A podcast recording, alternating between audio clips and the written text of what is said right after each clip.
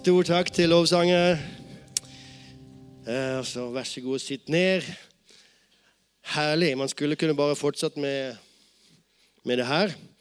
Men eh, vi skal ha en preken her. Et teknisk eh, minutt.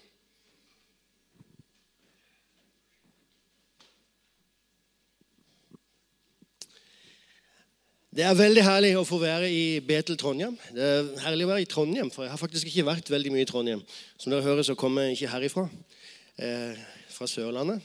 Så, men jeg har vært her nå siden torsdag, og det har vært veldig, veldig herlig både å bli litt kjent med byen og ikke minst med, med Frank, med Kristian, som var i, i Israel òg.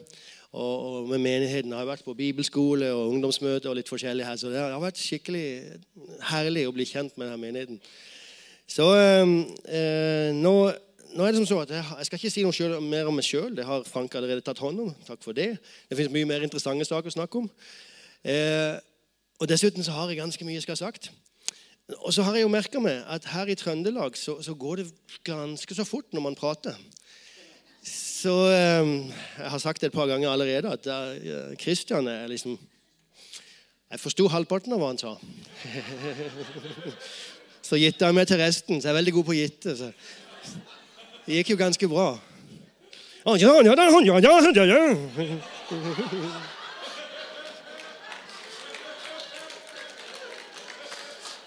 Du vet, på Sørlandet, på Sørlandet så går det litt mer bedagelig. vi, vi, for, for, å si det med et sitat fra Lord of the Rings It takes a long time to say something in old entish. For de som har sett filmen, så er det ganske passende. Eh, men i alle fall, eh, vi skal snakke om, eh, om, Israel. Jeg er veldig glad for at dette er et søndag formiddagsmøte. Du vet, Veldig ofte så, sånn Israel-møter, som det ofte kalles, holdes på i alle mulige plasser og dager og litt i avkroker og litt sånn. Men nå er det midt i menigheten, og det er der det hører hjemme. Så, så det her er jo en gudstjeneste. Det er, som, det er herlige sanger. Man bør lovprise Gud. Det er en gudstjeneste. Og i, i dag så er temaet Israel. Uh, på samme måte som, som, du finner det når du leser Bibelen. Du finner det liksom gjennom hele boka. Det bare integreres fullstendig. Og Det er egentlig det som er, som er budskapet mitt her i dag. Israel er en integrert del av den kristnes liv. Nå vet jeg at jeg egentlig snakker 'speaking to the choir', altså snakker til koret. Eh, denne menigheten står sterkt for Israel. Eh, så, så, jeg vet at dere har fått veldig mye Israel-undervisning. Men det som jeg vil snakke om, det, jeg håper og jeg tror, det er min bønn, at jeg kan gi Selv om jeg skal snakke egentlig om vår relasjon til Israel som kristne. Og da kommer jeg inn på det som har med Israels kall å gjøre. Eh, og det er jeg sikker på dere har hørt mange ganger. Men jeg håper at dette kan liksom gi en puslebit til i det her store bildet som har med Israel å gjøre, eh, i ditt eget liv. Og så er det sånn at eh, Jeg har vært i en menighet eh, 15-20 år. Jeg leda Israel-arbeidet på Livets Ord. Eh, og Livets Ord er jo kjent i Sverige. Livets Ord er jo kjent for å stå opp for Israel, liksom være en fakkel for det her. Men selv der så møter man folk som, som enten har, sagt, tatt denne holdningen at ja, vi, vi, er for Israel, eller står for Israel, men, men, det er jo liksom menigheten som tar hånd om det. Så altså, da kan jeg holde meg litt unna det. Altså, det går jo an å ta den altså, Jeg er for absolutt, men liksom menigheten engasjerer seg. Jeg tror at Gud vil vi skal alle ha en form for relasjon til Israel og det jødiske folket. Og nå vet jeg, Den frasen høres litt merkelig ut, men hva da? Det er Jesus som er viktig. Ja, Og det er det. Og det er det som er det herlige, og det kommer du til å, merke med dette budskapet. Alt som har med Israel å gjøre, lander Jesus. Det, er, det, det budskapet handler egentlig om frelsen. Når jeg har bodd i Israel, jeg har bodd der nede i åtte år Det store oppdagelsen jeg gjorde, var å se Gud, hvor stor er din frelse? Og det så jeg gjennom å se på hva han har gjort i landet, hva han fremdeles gjør i landet. Så, så du vil se at det, det fins ingen konkurranse liksom, mellom Israel og Jesus. Absolutt ikke. Israel vil ikke være viktig hvis ikke det var for Jesus. Så, eh, så det er bare liksom utgangspunktet. Eh, Hvorfor skal, vi, eh, skal, kristne bry seg om Israel? Altså, jeg, jeg har å si alltid det. Jeg, stiller spørsmål, og så svarer jeg på dem sjøl. Okay? Så, eh, og, Det er jo det som budskapet skal svare på. Så akkurat nå så får du ikke et kort svar. Det er budskapet som svarer på det der. Men det kommer et nytt spørsmål, og det heter følgende Hvorfor skal vi undervise om Israel? Og eh, som sagt, Jeg vet at dere, dere kan det her, eh, men jeg pleier å svare på denne måten. Det fins 2357 årsaker til hvorfor vi skal gjøre det. Så det er liksom de vi skal gå igjennom her på formiddagen. Så jeg håper, jeg håper det at uh, vi, skal, vi, har en internasjonal samling etter hvert, men uh, ok, da har vi kanskje kommet til 1500, da. Ja, i alle fall. Saken er den at i denne boka så nevnes Israel 2357 ganger. Det, det, er det som er svaret. Altså, Hvis Gud snakker om Israel på hver side kan du si, i boka si, så, så er det jo naturlig at vi òg snakker om Israel som Guds barn. Så det er det enkle svaret. Gud snakker om det. Vet du, I fleste menigheter så snakker man om Israel én gang om året. Eller ikke i det hele tatt. Mange mener de gjør det jo ikke i det hele tatt. Men andre menigheter har ett møte om året der man snakker om Israel. Jeg mener på at på samme måte som det er i denne boka, sånn bør det være i menigheten. Israel flettes inn i bønn, som vi just hørte her. Flettes inn i et vanlig budskap. To-tre setninger her, to-tre setninger der. Fordi at du leser teksten, så leser du om Israel. Og da bare, på den måten holder du levende hele budskapet. Og så har man visse møter der man fokuserer litt mer i dypet på det hele, sånn som nå. Eh, det som jeg tror er viktig eh, Hvis vi skal forstå hva Gud vil med vårt forhold til Israel, da må vi kikke på hva er Guds forhold til Israel. Og Da kunne jeg gitt deg veldig mange vers, eh, men jeg skal gi deg ett fra Zakaria 2,12. Den som rører ved dere, rører ved min øyensten. Her, her, snakker Gud, han, han, bruker navnet Sion, men det, vi vet Sion er Jerusalem. Sion kan også være hele landet. Det, det er, vi snakker om Israel. Den som rører ved dere, rører ved min øyensten. Og Da, da begynte jeg å tenke ok, så hva er en øyensten for noe? Hva, hva, hva er det for noe egentlig?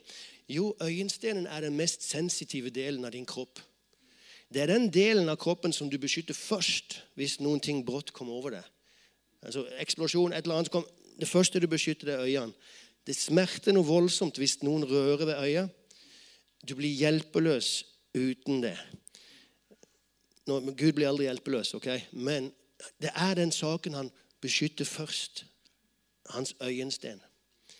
Og La meg bare liksom avminere en, en, tanke som du kanskje sitter med akkurat nå. For du tenker ja, men det der løftet er jo mitt. Det har jo Gud gitt til meg.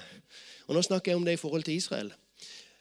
Og Da er det jo det som er så herlig, at yes, men du kan også ta det. Du får ta det, for du har blitt poda inn i det edle oliventreet som er Israel. Så du har blitt medarving med løftene. Halleluja. Så alle løfter du finner i Bibelen, vær så god. Okay? Gud har sagt sitt, Jesus har sagt sitt ja og sitt ammen til hvert løfte. Men det er sammen med Israel, ikke i stedet for. Og Det er så viktig å få med seg. Sammen med Israel så har du del i løftene. Men når Zakaria sier det her, da er det liksom 400 år før du, kan du si, menigheten fins. Det er 400 år før Jesus. Så han har jo Israel i tanken når han snakker om det. Når først løftet blir gitt, så er det Israel som gjelder. Og fremdeles i dag så gjelder også Israel. Den som rører ved dere, rører ved min øyensten. Jeg skal komme tilbake til det bibelverset helt på slutten. Eh, nå legger jeg liksom en liten grunn, og så knytter vi sammen det hele til slutt. En annen tanke som jeg vil eh, sende dere med, ta med før vi går inn på selve budskapet, det er egentlig Vi snakker ofte om frelsen som en gave fra himmelen. Og eh, Faktum er jo at det er sant. Det er jo, det er virkelig en gave fra himmelen. Men det var jo, når vi tenker på en gave fra himmelen, så det var jo ikke en pakke som kom dalende ned en tirsdagsmorgen. Og, og liksom så bare åpner vi opp den, og så ja, kommer Jesus eller kommer, kommer denne boka ned som en gave fra en. Det var ikke sånn det skjedde. Hvordan skjedde det egentlig? Jo, Gud valgte historie. Det var måten som han ga oss frelsen på. Han, han, skulle kanskje kunne gjort det på en annen måte. Han skulle kanskje ha sendt en pakke ned fra himmelen. Hva vet jeg? Men han gjorde ikke det. Han gjorde det på denne måten. Og La meg bare gi deg noen tanker om det. Har du tenkt på det her med at evangeliet, altså Nytestamentet, begynner med en etterliste? Altså, det er jo det er interessant, fordi at her så sier Gud nå har tiden kommet når dette budskapet skal nå ut til hele verden. Sant? Nå skal alle få høre om denne store frelse som er forberedt for dem. Og så begynner han med Adam fikk den, han fikk den, han fikk den, han fikk den. liksom. Ok. Det er ikke akkurat sånn vi går ut på å ha liksom, friluftsmøte. Nå skal vi fortelle dere om Jesus. Adam fikk Peres Men for Gud så var det her veldig viktig. Fordi han ville, han ville, at du og vi skulle forstå det, det budskapet som du nå kommer til å få høre, det er ingen myte. Det er rotfesta i historien. Den, den, frelsen som du i dag har fått en del av, den ble til et eller annet sted. Så hvert av de navnene i denne etterlista de representerer en pusselbit i et stort bilde som er vår frelse. Du vet, På den tida så var jo det, det, som var inn, kan du si, det var helenistisk kultur. Og det Helenistisk er jo gresk. Derifra kom de greske mytene. ikke sant? Alle disse greske avgudene som i dag lager masse film om det. Det er myter. De er tatt ut av ingenting. Og Gud sa det her er ikke den frelsen som er forberedt for dere. Halleluja. Så evangeliet begynner med en etterliste. Det betyr altså at frelsen er historisk forankra. Jeg pleier å si det på denne måten vi, vi, kaller oss for troende. sant? Vi er troende. Har du tenkt på det? Vi er ikke vitende. Det er interessant. Men vi er ikke blindt troende. For faktum er at du kan ta denne boka, og du kan reise ned til Israel, og du kan grave nesten hvor som helst, og du graver fram det som står her. Arkeologi gang på gang på gang beviser hva som står beskrevet her. Så eh, Jeg snakka litt om det i går på, på seminaret jeg hadde. Er, eh, nei, Frelsen er historisk forankret, og historien er den jødiske. Den historien som det snakkes om, er den jødiske. Denne boka er spesielt Gammeltestamentet, men også det nye, er spesielt er det jødiske folkets historiebok. Ja, men det er jo Guds ord. Ja, men det kom til oss i form av jødenes historie. Igjen, Det var sånn Gud valgte å gjøre det. Så historien er den jødiske, og geografien er Israel. Det er liksom der det meste foregår. Det foregår jo litt i Egypt og det foregår litt i Mesopotamia, sånn, men det store liksom, handlingsplanen, det er Israel. Det er det som er det. Derfor så sier jeg så her, Konklusjonen av det der er forstå Israel, og du forstår frelsen bedre. Så nå skal vi ta signere her opp for neste Israel-reise. ok? men Faktum er at har du ikke vært i Israel, så har du kanskje truffet noen som har kommet hjem fra Israel. Og så har du merka liksom hvor merkelige de har blitt. altså Noen som kommer tilbake fra Israel 'Å, det var helt fantastisk.' det var litt, å, det var så... Og så Ok, hva var fantastisk? Og det er veldig vanskelig å sette ord på det. For du har opplevd noe på innsida. Altså, noen ting har skjedd i det at du har besøkt det her landet. Og det er ikke så lett å sette ord på det. Men jeg, pleier, jeg, jeg, sier det på denne måten. Hvis du skal snakke om frelsen som en gave fra himmelen, vet du hva du kan skrive på den der pakka, da? Made in Israel. Altså, nå, nå, nå, tar jeg det litt, altså, Du behøver ikke å akseptere Det er ingen dyp teologi. Det her. Det er bare en måte å forstå det på. Den frelsen som du og meg har en del av. Det faktum at vi i dag har møte her, det faktum at du på morgenen leser din bibel, ber til Gud, har en åpen linje til himmelen, det kommer ut av noen ting som hendte der, en frelse som kom til i Israel. Og det er derfor Når kristne kommer til Israel, så føler de det som å komme hjem. Jeg har vært med og tatt tusenvis av kristne til Israel. Og nesten alle sier samme sak. Det, altså, det var som å komme hjem. Jeg føler meg hjemme her. For du er hjemme. Det er ditt åndelige hjem. Og, og, La meg bare igjen liksom påminne om at ikke fordi at Israel er liksom, og jødene er liksom høyere og mer verdt. Det har ikke med det å gjøre. Det er bare at det fins et kall på det folket og på det landet. Sånn valgte Gud å gjøre det. Ok, Nå begynner budskapet. Dette var innledninga. Jesus sa, 'Frelsen kommer fra jødene'. Hører dere at jeg forsøker å snakke litt sånn finere enn Jeg skulle egentlig sagt jødene. Jeg forsøker å gjøre meg litt forstått. Det har blitt sånn Etter 20 år i utlandet så har jeg, så har jeg blitt litt avslipa i min sørlandsdialekt. Eh, det her sier Jesus i Johannes 4,22. Og eh, Det er samtalen med kvinnen ved sykersbrønn. Hun er samaritansk kvinne. Og I den samtalen da, så, så, kommer det opp skal vi tilbe her eller skal vi tilbe der. Jerusalem eller eh, Samaria.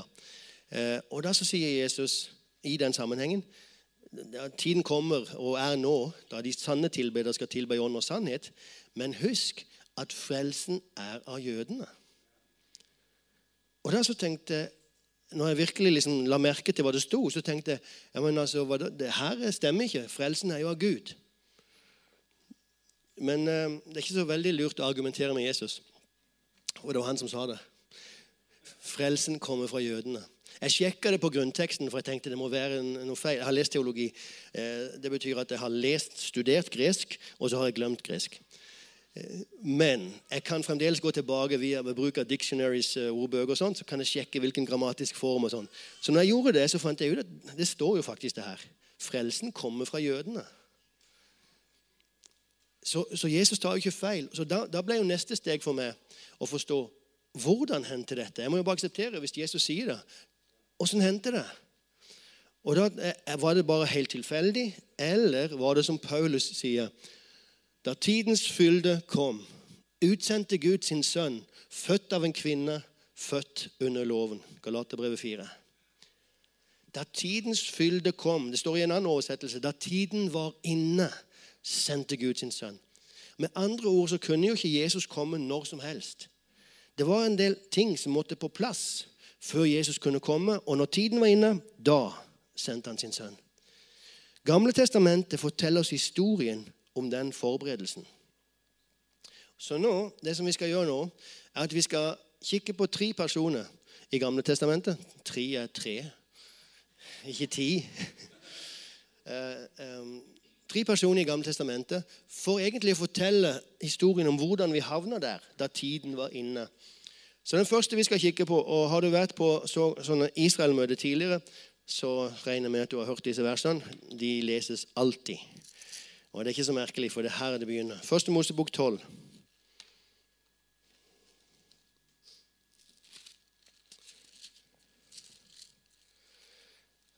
Veldig kjente vers. Når, når Gud kaller Abram Det er så vanskelig å si Abram istedenfor Abraham. Eh, men det står det her. Herren sa til Abraham, dra bort fra ditt land og fra din slekt og fra din fars hus til det landet som jeg vil vise deg. Jeg vil gjøre deg til et stort folk. Jeg vil velsigne deg og gjøre ditt navn stort, og du skal bli en velsignelse. Jeg vil velsigne dem som velsigner deg, og den som forbanner deg, vil jeg forbanne. Og i deg skal alle, slekt, alle jordens slekter velsignes. Eh, det er, er, noen saker som er veldig viktige i de versene. Og, og Det første er jo at det her er, når, når, når, jeg leser litt jødiske kommentarer Det er veldig interessant å lese jødiske kommentarer, for de ser ting som ikke vi tenker så veldig mye på. De legger merke til at det her er første gang Gud gir et bud, en befaling, til en jøde. Og Nå kan vi ha en stor teologisk diskusjon om Abraham var en jøde eller ikke. fordi Teknisk sett så var han ikke det men han blir kalt jødenes far. Det er han som er grunnlegger av jødene. Så vi kaller han en jøde for, for, den akkurat nå. Det første budet Gud gir til en jøde, var 'gå til landet'. Og jeg, tenker, altså, jeg, hadde sikkert ikke begynt der hvis jeg hadde vært Gud. Jeg hadde sikkert begynt med liksom, eh, Abraham, skjerp deg. Liksom, bli, en bedre mann, leve et bedre liv, behandle Sara litt bedre, legg, legg vekk avguder osv. Det var sikkert der jeg hadde begynt hvis, hvis jeg hadde vært Gud. Men Gud sier 'gå til det landet'. Så for Gud er det veldig viktig hvor Abraham er rent geografisk. Det er det første som vi legger merke til. Det andre som vi legger merke til, er at jeg vil gjøre deg til et stort folk. Vet du hva? Gud utvalgte ikke det jødiske folket. Nå skal det synke inn sånn. Så skal, skal, du tenke jo, det gjorde han vel. Nei, men altså, han gjorde ikke det. Han skapte det jødiske folket. Han utvalgte en mann og så sa han, 'Jeg skal gjøre det til et folk'. Og Det er viktig fordi det betyr at det jødiske folket har ingen eksistens som ikke kobler til Guds planer. Hele deres eksistens er kobla til Guds planer. Jeg skal gjøre det til et stort folk, og du skal bli til velsignelse. Dette folket skal bli til velsignelse. Og Sånn er det jo fremdeles i dag. Gud sier i romerbrevet at han ikke angrer sin nådegaver og sitt kall. Den sammenhengen der snakker om jødene. Snakker om det jødiske folket. Gud angrer ikke sine nådegaver og sitt kall. Så det jødiske folkets eksistens er fremdeles kobla til Guds frelsesplan. Og, og, nå er det jo som så at Korset har vært, oppstandelsen har vært, så frelsen er, er forberedt. for frelsen, Vi har tatt imot den. Men det er fremdeles noe som gjenstår. sant? Vi er ikke i himmelen ennå. Så den delen av frelsen som gjenstår, den kobler også på en måte til det, eller ikke på en måte, den kobler direkte til det jødiske folket. Den kobler jo så klart til menigheten, men den kobler til det jødiske folket òg. Og det enkleste beviset er jo å se på hvor Jesus skal komme tilbake. Oljeberget. Ok, Så eh, det var det, det andre. Og det tredje var da de tre ordene som er viktige her. Det er oppgaven, eller kallet. Landet, folket og kallet. Oppgaven. Oppgaven du skal bli til velsignelse for alle nasjoner. Okay? Um, og Vi vet jo at Paulus snakker om det når frelsen kommer ut og Den hellige ånd faller. Det er oppfyllelsen. Det prater Paulus om. Så de tre tingene der Gud kobler de. Han knytter de sammen. Om du kan skille på de, om du kan ta folket ut av landet, om du kan ødelegge landet sånn at det ikke blir beboelig, om du kan drepe folket om du kan få folket til å glemme sitt kall, sin oppgave, da har du ødelagt Guds frelsesplan. Hva er det du ser når du kikker på jødisk historie opp igjennom? Gammeltestamentets historie kan du, men, men, fremdeles fram til i dag. Hva er det du ser? De der tingene. Folk har blitt ført i eksil. Landet har blitt brent gang på gang på gang. Det har blitt gjort til en ødemark. Eh, folket har blitt forsøkt å utryddes. Siste var for 70 år siden. Eh, og man har forsøkt, djevelen har forsøkt å få folket til å glemme sitt kall. På hvilken måte da? Avgudsdyrkelse i Gamle Testamentet. Avgudsdyrkelse gjorde jo at de forlot Gud. De glemte han sitt kall, og så tjente de andre guder. Så Gud kobler disse tre, og de må sammen. Når vi i endetiden nå skal se at Jesus kommer tilbake, så må disse tre være samla. Og det er det som har skjedd. For 170 år siden så ble Israel en stat. De tre er nå sammen. Det fins fremdeles jøder ute i verden, og Gud sier at han skal samle dem, men de må sammen igjen. Så det, det var første personen, Abraham, der Gud skaper et folk, gir dem et land og en oppgave. Neste person vi skal kikke på, er Moses. Og Gjennom Moses så gjør Gud dette folket til en hellig nasjon. Det fins veldig mange vers vi kunne snakke om nå. Jeg skal bare ta opp et par. 5. Eh, Mosebok 7. Du er et hellig folk, sier Gud. Jeg har utvalgt deg fra alle andre nasjoner, og osv. Og, og så sier han, ikke fordi du var fler i tall, at du var så mange. Det er ikke derfor jeg har utvalgt deg, men fordi jeg elsker deg, og fordi jeg ville holde min pakt som jeg ga til fedrene, Abraham, Isak og Jakob. Så det er viktig, fordi iblant så kan man føle seg litt mindreverdig. Oh, altså For Gud sier 'jeg utvalgte deg framfor alle andre folk'. Men så sier han ikke fordi at du var så mange. Hva var det som var viktig på den tida? Antall. For det var liksom, Da hadde folket oppnådd noen ting. Og Gud sier egentlig det er ikke pga. hva du har oppnådd, det er ikke pga. hvem du er, eh, altså dine egne oppnåelser, men kun pga. min kjærlighet derfor, og at jeg holder pakten. Så det er, det er det som er grunnlaget. Men det viktige her er altså en hellig nasjon. Hellig i gammeltestamentlig eh, forståelse kan man forklare på denne måten. Å være satt til side av Gud for en spesiell hensikt. Og Jeg har tatt bilde av tabernaklet her. for I tabernaklet så fantes det hellige uh, verktøy, eller spade og kniv osv. De spadene og knivene de hadde blitt hellige til bruk i tabernaklet. Satt til side av Gud for en spesiell hensikt. Hvis du tok de spadene ut av, av tabernaklet og brukte den utenfor, så ble den vanhelliga. Du kunne ikke ta den inn igjen. Satt til side av Gud for en spesiell hensikt. Israel har blitt satt til side av Gud for en spesiell hensikt. Det står til og med at landet er hellig. Jeg vet ikke om du har sett, Det står flere plasser, faktisk. men, men Og og i Zakaria. Admat Kodesh står det. Hellig mark. hellig land.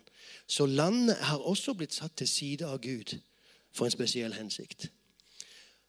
Hva er det egentlig som skjer her? Ja, Vi skal ta et vers til før jeg svarer på det.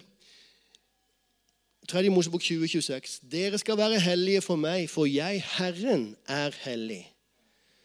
Når jeg, når jeg leste det, så, så jeg forsøker alltid å forstå ting. Tenker, hvorfor må Israel være hellig selv om Gud er hellig? Jo, fordi Gud visste at dagen kommer da jeg sjøl kommer til å komme ned og bo blant mennesker, bo blant jødene. Og da må dere være hellige, ellers blir jeg sjøl vanhellig. Så det Gud gjør gjennom Moses, det er å forberede en landingsstripe for Messias. For seg sjøl. Et hellig folk i et hellig land. Det var den andre personen. Vi går ganske fort gjennom Gammeltestamentet her. Eh, den tredje personen vi skal kikke på, heter David. og Det var ganske opplagt at vi måtte komme til han en eller annen gang. Eh, så vi skal gå til eh, første krønikebok 17. I denne sammenhengen så sitter David i Jerusalem. Han har bygd seg sjøl et palass som faktisk arkeologer nå har funnet. Det fins litt diskusjon blant arkeologer om det er Davids palass eller ikke, men mange mener at de nå har funnet Davids palass ganske interessant å gå, der i Jerusalem. og Oi, her satt David liksom, og skrev sine salmer. Jeg løfter mine øyne opp til fjellene. Hvor skal min hjelp komme fra? Og Så løfter du øynene opp, og så ser du høyere fjell overalt. Jerusalem er jo liksom bygd lavt, og det er høyere fjell overalt rundt. Så, alt blir veldig levende.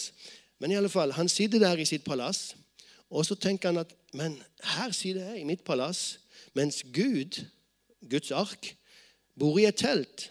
For det var det de gjorde på den tida. Han hadde fått arken opp til Jerusalem, men den sto i et telt. Så, så fikk han denne tanken jeg skal bygge et hus, et tempel, for Gud. Og Så kommer profeten Nathan til han, og etter litt fram og tilbake så korrigerer Gud David. Og så sier han fra vers 17, 1. krønikebok 17, vers 10, eh, siste del. Så taler Gud til David. Nå forkynner jeg deg at Herren vil bygge et hus for deg. Når dine dagers tall er fullt, og du går til dine fedre, da vil jeg oppreise din ett etter deg, en av dine egne sønner, og jeg vil grunnfeste hans kongedømme. Han skal bygge et hus for meg, og jeg vil trygge hans trone til evig tid. Jeg vil være hans far, han skal være min sønn. Jeg vil ikke la min miskunn vike fra ham, slik jeg lot den vike fra ham som var før deg. Men jeg vil la ham bli i mitt hus og i mitt rike til evig tid, og hans trone skal være grunnfestet til evig tid. Så Gud snur det hele opp ned. Og Så sier han nei, David, du skal ikke bygge et hus for meg. Jeg skal bygge et hus for deg. Og På hebraisk ordet bet, bait, hus, kan også bety dynasti. Så det Gud sier, nå skal jeg gjøre et dynasti, altså en linje av herskere som skal utgå ifra det. Så din sønn skal sitte på tronen, og han skal bygge et hus for meg. Og Så vet vi jo at Salomo kommer, og han bygger tempelet. Davids sønn kommer, han sitter på tronen, han bygger tempelet. Og folket tenker profetien har gått i oppfyllelse. Nå kommer da han Salomo til å regjere for evig osv. Men det gjør han jo ikke. Han dør.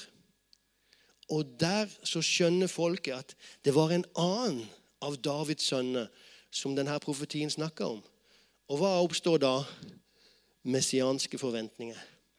Her har vi frøet til de forventningene som kommer til å finne senere. Men her begynner det. Det var en av Davids sønner. Og så har vi, det her er jo 1000 før Kristus cirka. Og så har vi da profetene som kommer. 700-800. Eh, Amos, eh, Jesaja, Mika, Zakaria. Og så legger de en masse, de kommer med masse profetier om hvem denne Davids sønn De har forskjellige navn på han. Spiren. ikke sant?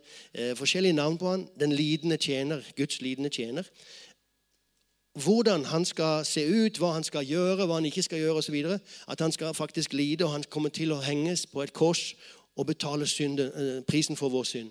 Så alle disse her profetene de bare legger mer kjøtt på beinet på denne profetien. Så når vi kommer til Jesus, hva er det de sier om Jesus? Når Jesus går omkring liksom, og helbreder folk og, og taler, liksom, hva er det de sier? Jesus, du Davids sønn, forbarm deg over meg. De gjenkjenner Jesus basert på alt det som profetene har sagt om ham.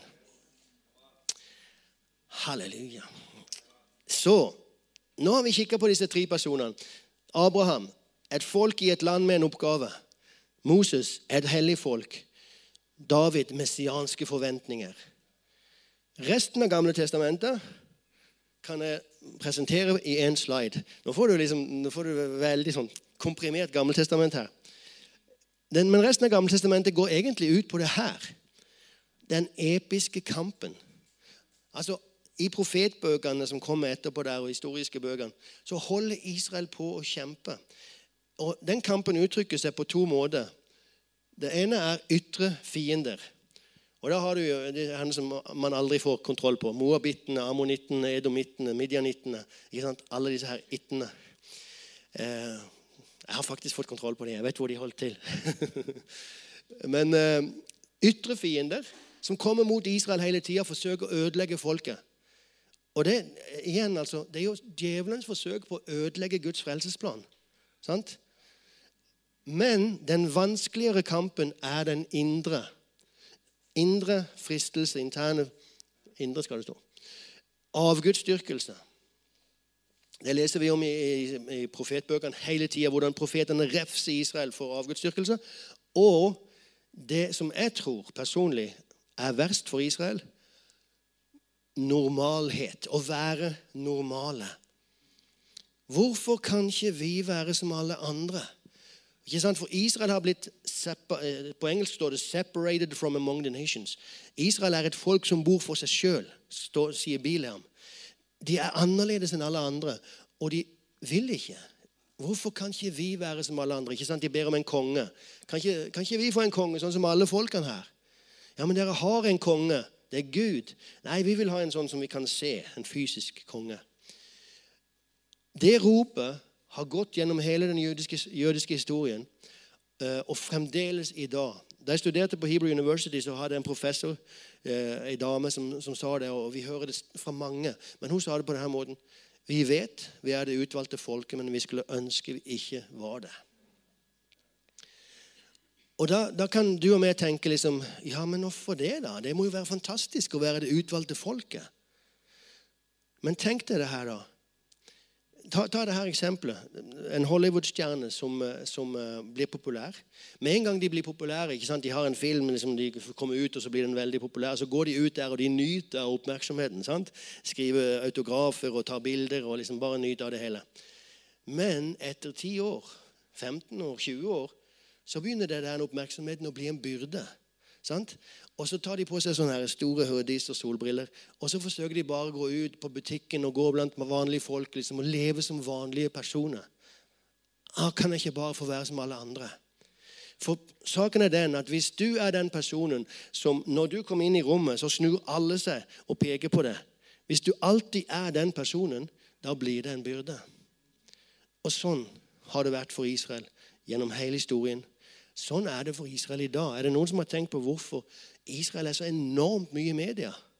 Er så enormt opptatt i FN. De er så enormt opptatt i FN av Israel. Det er så masse fokus på det her lille landet. Uproporsjonalt. Israel blir alltid pekt ut. Og de sier, 'Kan vi ikke bare være som alle andre?' Gud visste det, at dette var de sine tanker. Han, han, han merka jo det. Så han sier i Esekiel 2032 Esekiel 2032 står det det her. Aldri skal det skje, det som kommer dere i sinne når dere sier:" Vi vil være som hedningene, som folkene rundt om i landene. Vi vil dyrke tre og stein. Det står rett ut. Det kommer aldri til å skje. For Gud vet at i det øyeblikket jødene blir som alle andre, i det øyeblikket de ikke lenger er et hellig folk satt til side for en spesiell oppgave, så er hans frelsesplan ødelagt.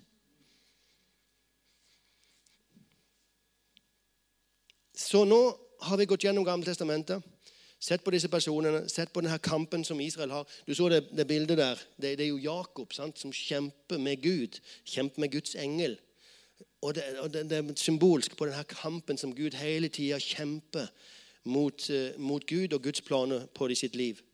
Eh, la meg bare si Det at det faktum at Israel er og har vært annerledes gjennom hele historien, finnes det masse eksempler på fra Bibelen og utenom bibelske kilder. Romerske historikere fra Jesu tid de sier òg det. Disse her jødene de er så spesielle. De har helt merkelige lover. Ingen andre har sånne lover. Og de, de tjener én gud istedenfor liksom å tjene våre guder osv. Esters bok, samme sak. Hva er det Haman sier? Nå, nå utgår jeg fra at dere kan den historien. Men Haman er rådgiver for den persiske kongen. og Han, han liker ikke jødene som bor da der i eksil. Og Så sier han disse her jødene de har lover som ingen andre har. Det er ikke bra at de finnes her. La oss drepe dem. Så hans anklage mot jødene var de er annerledes, og hans, hans løsning var drepe dem. Det, det bare sjum, kaster oss rett fram til 1930-tallet, 1940-tallet. Det begynte ikke vet du, med gasskamrene. Holocaust begynte ikke med gasskamrene. Det begynte da de sa jødene er annerledes. De er ikke oss. Det er de, og så er det oss. Og så gikk det steg for steg. De er faktisk litt mindre enn oss. De er subhuman, undermennesker. De er faktisk bugs, altså skadedyr. Men det begynte jo ikke med skadedyr. Det begynte med at de er annerledes. Det er viktig, så viktig for dem at vi avslører når Israel blir pekt ut urettferdig. Jeg sier ikke at Israel gjør alt perfekt. Jeg skal ikke behøve å si Det Det fins ingen perfekte nasjoner. Israel er langt fra perfekt. Men når Israel blir utpekt urettferdig, så er det viktig at vi avslører det. For vi har sett det, hvilket potensial en sånn tanke har. Ok, så Da har vi gått gjennom Gamletestamentet, og vi kommer til Nytestamentet. Frelseshistorien i Det nye testamentet. Da tidens fylde kom sant? Det var der vi, vi begynte. Nå er tiden inne, og Gud kan sende sin sønn. Og hvor er det han sender sin sønn? Det her er fra Betlehemsmarkene, der, der englene kom. Men før det så kom han til den her. Ung jødisk jente. Og eh, Vi skal gå til Lukas og, eh, og lese hos sitt svar. Lukas 1 og vers 26. Er dere vågne? Ja, det er bra. det er bra. Dere er veldig stille. Det her bedagelige sørlendingen prater litt fort akkurat nå. Ok, uh, Lukas 1,26 sier følgende men i den sjette måned Legg merke til alle historiske, geografiske referanser her. Men i den sjette måned ble engelen Gabriel sendt av Gud til en by i Galilea som heter Nasaret, til en jomfru som var trolovet med en mann som heter Josef, av Davids ett. Og jomfruens navn var Maria. Engelen kom inn til henne og sa, 'Vær hilset, du som har fått nåde. Herren er med deg. Velsignet er du blant kvinner.' Men hun ble forferdet over hans ord og grunnet på hva slags hilsen dette kunne være. Engelen sa til henne, 'Frykt ikke, Maria, for du har funnet nåde hos Gud.' Se, du skal bli med barn og føde en sønn, og du skal gi ham navnet Jeshua. Altså frelse. Sant? Jesus. Han skal være stor og kalles den høyestes sønn. Ben El Elyon. Når hun hører det her på hebraisk, så bare wow, det her vet jeg hva du snakker om. altså. Det her er et konsept. Det her er noe som vi hele tida prater om. Sønn av den høyeste Gud. Ben El Elyon. Eh, han skal være høyeste sønn. Gud Herren skal gi ham hans far Davids trone. Oh, enda en sånn der term som, som hun kjenner. Og han skal være konge over Jakobs hus til evig tid. Og det skal ikke være ende på hans kongedømme. Hører du alle referansene som går tilbake til Gammeltestamentet? Men Maria sa til engelen, 'Hvordan skal dette gå til, da jeg ikke vet av mann?' Engelen svarte så til henne, 'Den hellige ånd skal komme over deg. Den høyestes kraft skal overskygge deg.' Derfor skal også det hellige som blir født, kalles Guds sønn. Og så vers 38. Da sa Maria, 'Se, jeg er Herrens tjenerinne. Det skjer meg etter ditt ord.' Det her er helt unikt. Marias respons er helt unik.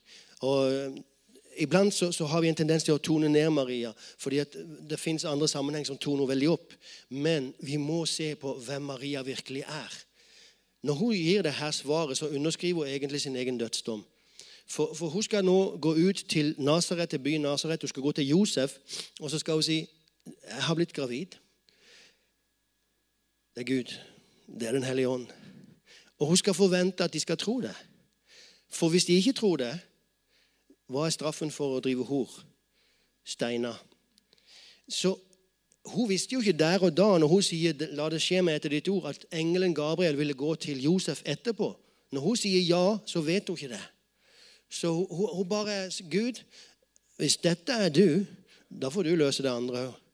Fullstendig tillit til Gud. Hun, hun, hun, hører disse her referansene som går tilbake til Israels arv. Liksom, alle disse løftene som Gud har gitt. Og så bare sier Gud, du er mektig. Fantastisk respons fra denne jenta. Og Når jeg da eh, leser det her, så tenker jeg hva var det som gjorde at Maria eh, Ops, tiden går. Hva var det som gjorde at Maria eh, kunne si det her? Og Da plasserer jeg henne inn i en geografisk sammenheng. Eh, Nasaret ligger oppe i, i fjellet der. Eh, men hvis du går ut av Nasaret, så kommer du til For der, der ligger det i en liten dal. Hvis du går ut her på utsiktspunktet, så har du en fantastisk utsikt. Og utsikten du har, ser ut sånn her. Og det her er en liten filmsnutt. Vi ser om vi kan få den til å snurre. Nå kikker man østover, og det fjellet, det runde fjellet heter Tabor. Så begynner man å kikke mer og mer mot sør, sørøst. Og Da dukker det opp et fjell i midten her som heter Morébakken. Morébakken. Det fjellet Morébakken det deler denne dalen i to. På andre sida fortsetter dalen. Og Fjellene i bakgrunnen der er eh, Samaria. Nå kikker vi rett mot sør og Jerusalem, men først kommer Samaria. Og Så kikker vi mer og mer mot sydvest. Og helt til slutt så kommer vi rett ut mot Middelhavet. Men vi ser ikke Middelhavet fordi det er en fjellkjede rett foran som heter Karmel. Det, det, er utsikten som hun har. Når hun står der og kikker på det her, hva er det hun ser? Hun har Gamle testamentet bretta ut framfor seg. Hun ser det runde fjellet, og det påminner hun om Debora og Barak fra dommerboken. Det var der kampen sto med Debora og Barak og kananittene. Sisera leder den armeen. Slaget sto rett ned forbi henne, og Sisera kjører seg fast i gjørma og må flykte. Hun ser Morebakken. Ved foten av Morebakken ligger Sunem. I Sunem gikk Elisha, profeten Elisha gikk forbi der ganske ofte. Han tok inn hos en familie som hadde en sønn, og En dag så dør sønnen. og Elisha blir tilkalt, og han vekker opp Elisha, sønnen fra de døde. Rett bakenfor eh, Morebakken ser hun Gilboafjellet. Og Gilboafjellet var der som Saul og Jonathan ble drept av filistrene i kamp. Ved foten av Gilboafjellet ligger Harod-kilden. Harod-kilden var der Gideon valgte ut 300 menn via måten de drakk på. Og Så valgte han ut til å kjempe mot midjanittene. Og Slaget mot midjanittene fant sted i dalen mellom Morebakken og Gilboa. Hun kan se alle disse her plassene. Kikker hun rett sør, så ser hun Israel. En by som faktisk er kobla til veldig mye elendighet. For Isabel, denne onde dronninga, holdt til der. Det var der hun ble drept osv. Men hun kan se Israel, byen. Om hun kikker litt mot sydvest, så ser hun Dotan. Og Dotan var der som Josef ble solgt av sine brødre inn i slaveri i Egypt. Hvis hun kikker rett vest, så ser hun altså Karmel. Og på Karmelfjellet så har vi altså Elias og Baal-profetene der ilden faller ned fra himmelen. Og vet du, Husker du hva som hender etterpå? Jo, han, Disse profetene tas hånd om. Elias går opp igjen på Karmel. Han gikk jo først ned til Kishonbekken for å ta hånd om disse, drepe disse Baal-profetene. Så går han opp igjen. Jeg har gått den der bakken. Det er utrolig bratt. Det er en skikkelig kraftanstrengelse. Han går opp og ned to ganger den dagen. Og etter, når han har gått opp igjen, så ber han om regn. Og så sier han ja, nå kommer skya. Og så sier han til Ahab nå får du sette for hestene og, og, og ta av gårde, for nå kommer regnet. Og så springer han sjøl fra Karmel til Israel. Det er en halvmaraton. Det er 25 km. Og da har han først gått opp og ned to ganger på Karmel.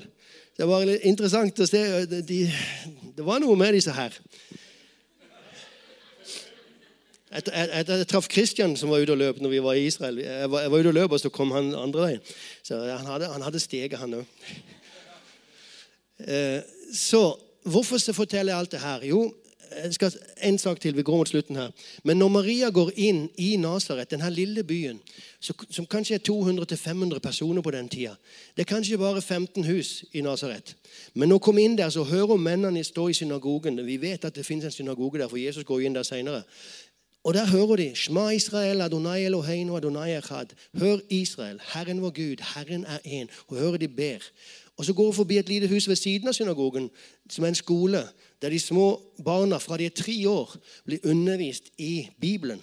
De lærer seg å lese Bibelen. Og hvordan gjør de det? Det fins en rabbiner som leser fra første Mosebok 1.1. Bereshit bara Elohim et Shamaim vet arest. Og så gjentar de etter han. I begynnelsen skapte Gud himmelen og jord.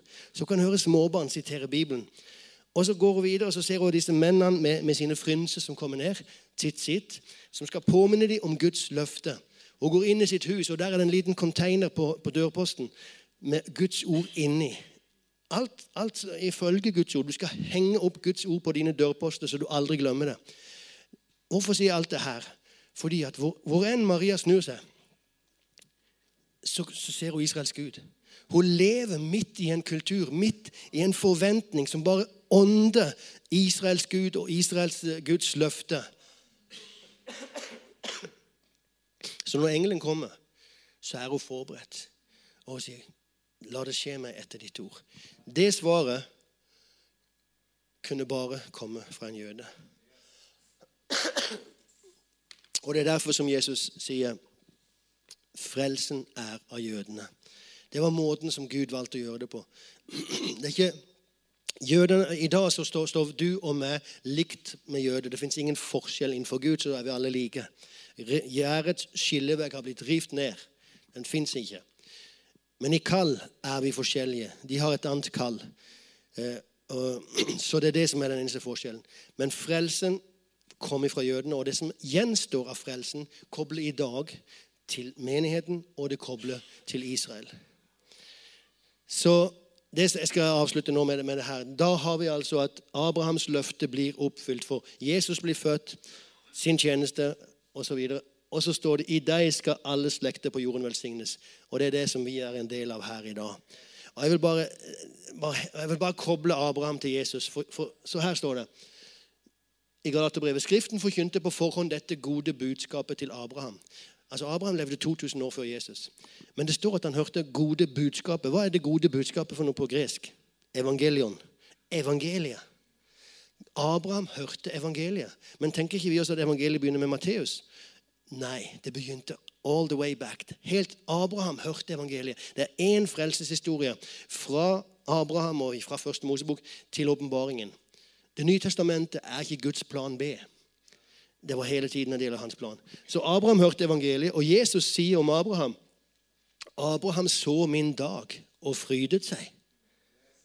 Hvor så han hans dag? Da han tok med sin sønn Isak opp der for å ofre Isak. Det der er Moria berg.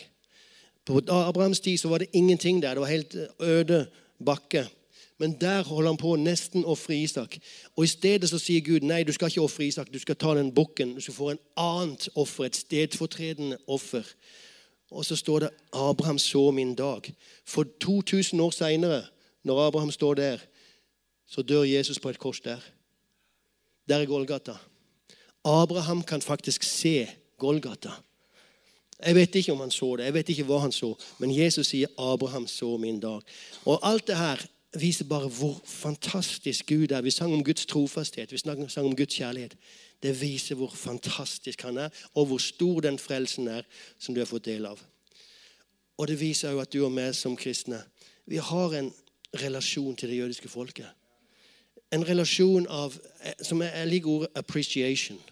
Altså verdsette. Det, vi snakker ikke om å tilbe det jødiske folket. Vi snakker ikke om å, å se på dem på en feil måte, men verdsette at gjennom de kom Jesus. Så far, jeg bare takker deg. Halleluja. Fader. Far, jeg bare ber om at du skal hjelpe oss, at vi i våre liv kan få lov til å leve ut dette her. Eh, denne relasjonen, eller det her forholdet, denne verdsettelsen eh, som, som, vi har for Israel her. At vi skal kunne leve det ut på en, på en bra måte.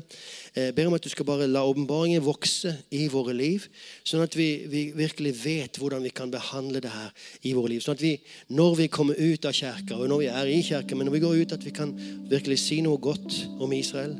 At vi kan velsigne det som du har velsigna, Herre. At vi kan be om fred for Jerusalem. Herre, fordi at du elsker dette folket med en evig kjærlighet. Takk, Jesus.